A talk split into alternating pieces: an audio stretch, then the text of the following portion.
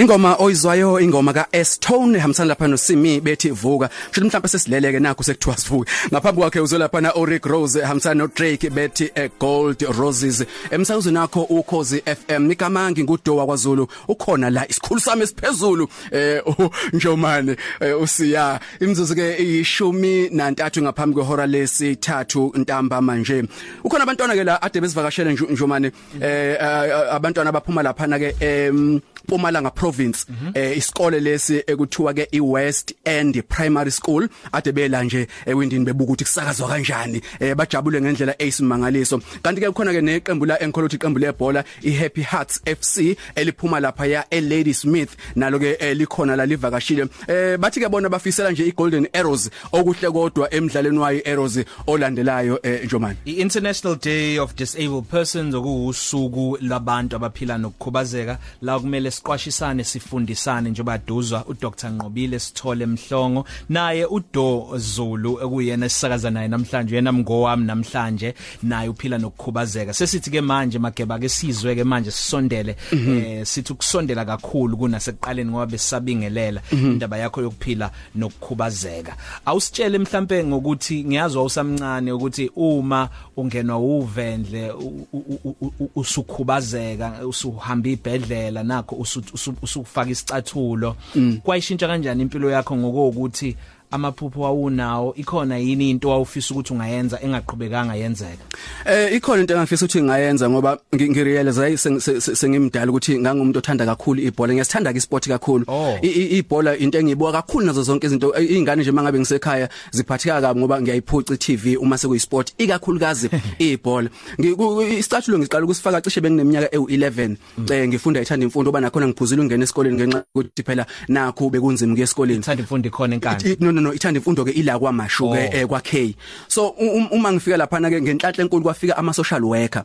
Afika ama social worker ngihamba ngicathulo lezi eh normal kodwa ngingahambe kahle. Afika abuza ukuthi inkinga ikuphi. Asefisa ukuthi axhumane noma kwayiwona ke enza ukuthi ngize ngikwazi ukuthola lesi sicathulo bese kuba ngcono ke nempilo ngase isona sona ufanele ngithathe sona isicathulo. Ever since ke ngisithathe isicathulo hayi uhamba akuyona into enzima kakhulu. Pho self esteem yakho yathinteka kanjani ukuzethemba ukuphila ungenakho ukuthi wena ufanelekile? Ulithatha phi lolu qozi nofuqufuqu lokuvuka ekseni na uzibone umuntu thola umkromelo wempilo njengabo bonke abantu? Ngangenwa into enjengokuthi ngithanda kakhulu eh ngizothini? Ngithanda kakhulu ukugama so into eyenza ukuthi ngikwazi ukuthi ngibe ngumuntu owathi eminyakeni ephambilini ngadlala kakhulu ukuthiwa ama stage plays. Ehe nasesikoleni ngaba umuntu owaziwayo ngibhale ilokhuzana i short ama short stories ngiwafunde ku assembly ngidlala ama stage plays. So ngazi isikole sonke singazi ukuthi udo ukhona. Ungangokuthi ngo 1989 ngaze ngawina iaward eyayibizwa ngokuthi entertainer of the year.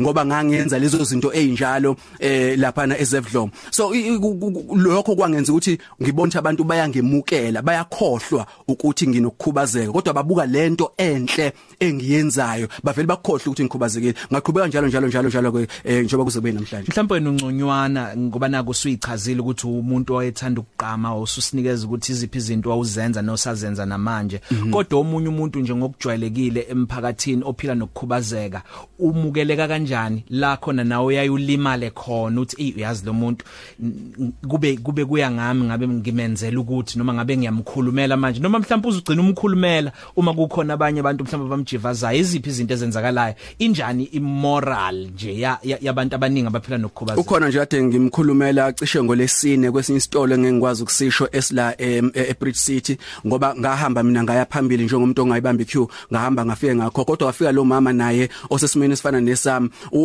ukheshiya ke wase engamphenduli ngendlela elokhuzekile ehlelekile noma eyemukelekile. Ngase ngiyangena ke lapho ngathi cha ngani yambona umama ukuthi kusiphi isimo? Ngicela ukuthi naye umsize. Wasiyasizwa kumama inselelo ikhona kakhulu enjomane kuthina abantu abanokhubazeko ngoba uthola kwesinye isikhathi mawuhamba emphakathini umuntu uyakulingisa okulandela ukuthi uhamba kanjani ahambe ngalendlela ohamba ngayo. Uyabo? Uthola lento yenzeka nasemsebenzini ike yenzeka emsebenzini iqhube iningana uthola umuntu osebenza naye uyena ovictimizayo uhambe uhambe ngale ndlela ohamba ngayo. Yabona uma ngabe mhlawumbe ukuthi wena ulima ukhubazeke ngokulimala ngehlo ubizwe ngegama elithile amagama ke ayalumela kakhulu. Uma uthi ulimale engalweni ubizwe ngegama elithile. So ku- um- umphakathi kufanele wazi ukuthi abantu abanokukhubazeka abantu abaphilayo. Uma ngabe ngingowesilisa ngi- ngi- ngi- ngimele ukuthi nami ngiganwe. Uma kungowesifazane umele ukuthi eh agane. Hayi hayi lento yokuthi ngeke ngabona eh, u- usisi on- on- onokukhubazeka ekhulelwe. Ah, ah, be- kwase kube komunye umtholampilo ba- ba- bakwahlekiswa ngayo kwabuza ukuthi nawe u- unje u- ukhulelwe. Ngase ngiyaxaya ukuthi mina ngoba naye wenza into eyenziwa yibo bonke abantu uzovinjwa yini ukukhulelwa?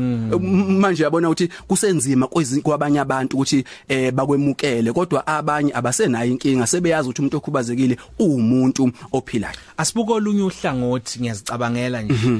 Ayikho yini mhlambe into eh, en- engafikela umuntu ophila nokukhubazeka ayitshela ukuthi akamukelwa akathandwa abantu abamnaki otho ongathola ukuthi kwesinye isikhathi into mayingenzeki ngendlela afisa ngayo athi oh wenza ngoba nakho ngikhubazekile oh wenza ngoba nakho. Okungagcina mhlambe kuuhlangothi nesibuko esingesona ingoba yena usekuphusha phambili lokho. Umukelile umukelekile umbuzo njalo? Eh umbuzo umbuzo njalo umukelekile eh, Njomane I- iyafika njalo leyo nto. Uthola ukuthi eh u- u- uzitshena ukuthi wena benza lokho kuwe ngoba u- unga- ukhu- unokukhubazeka. Mhlambe u- u- u- ufike nawe ukuthi kusho ukuthi ubona ukuthi ngeke ngikwazi ukulwa naye ngeke ngikwazi ukuyilwela ingakho engenza lesimo kuyiso kodwa ube beko omunye umuntu ubezokwazi ukuthi eh, ubengeka mthathe ngalendlela angithatha ngayo.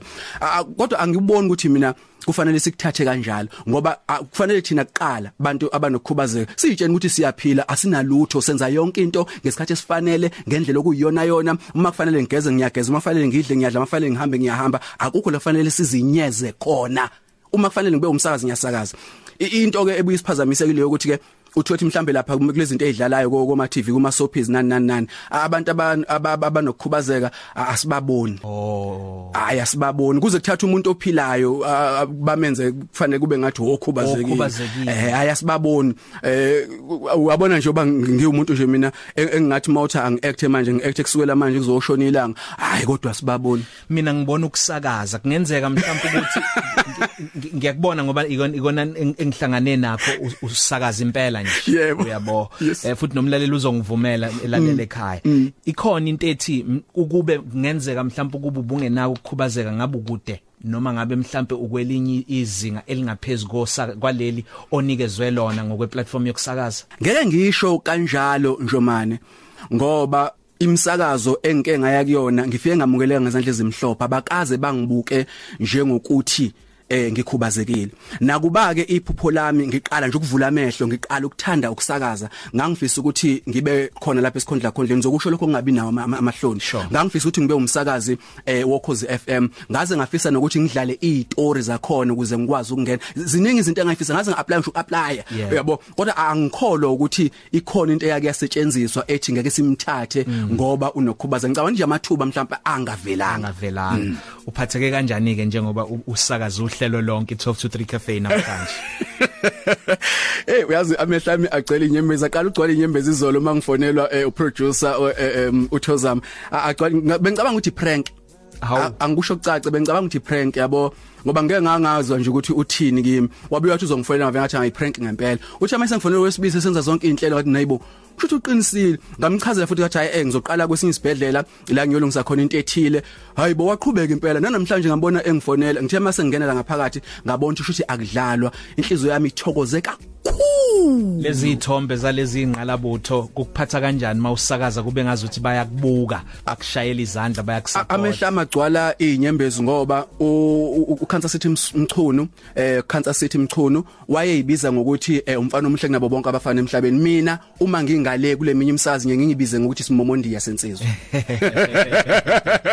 manje ngiyayibuka zonke lezi ingqalabutho ezilapha phambi kwami. Amehlami avela agcwala inyembezi ngenxa yokuthi zonke yabona nje ungathi babuka mina a- ma ungathi bazongitshena mase ngiphumile ukuthi hayi mfana lungisa la. Uyabona? Ayingqalabutho zodwa lezi ezila endlini osukwini eh, olubizwa ngokuthi eh, International Day of People with Disabilities us- usuku umhlaba wonke jikelele. La khona uqashisa ufundisa khona unaka kakhulu kunakuqala abantu abaphila nokukhubazeka. Ohlelweni 12 to 3 cafe besihleli no door eh wakaZulu umsakazo we Vibe FM sibonge kakhulu Mageba Ngiyabonga kakhulu nje manje ngibonga ukumukela ngezandla ezimhlophe emsakazweni ukhozi FM FM ngibonga angiqedi ngibonga nangendlela obungitotobisa ngayo ungifaka lapha nalapha nazo zonke izinto. Ngiyabonga ngiyabonga ngiyabonga. Usumgoke nala usakaza khona usiyofika ubabize ngomngona Ngizofika ngenze njalo.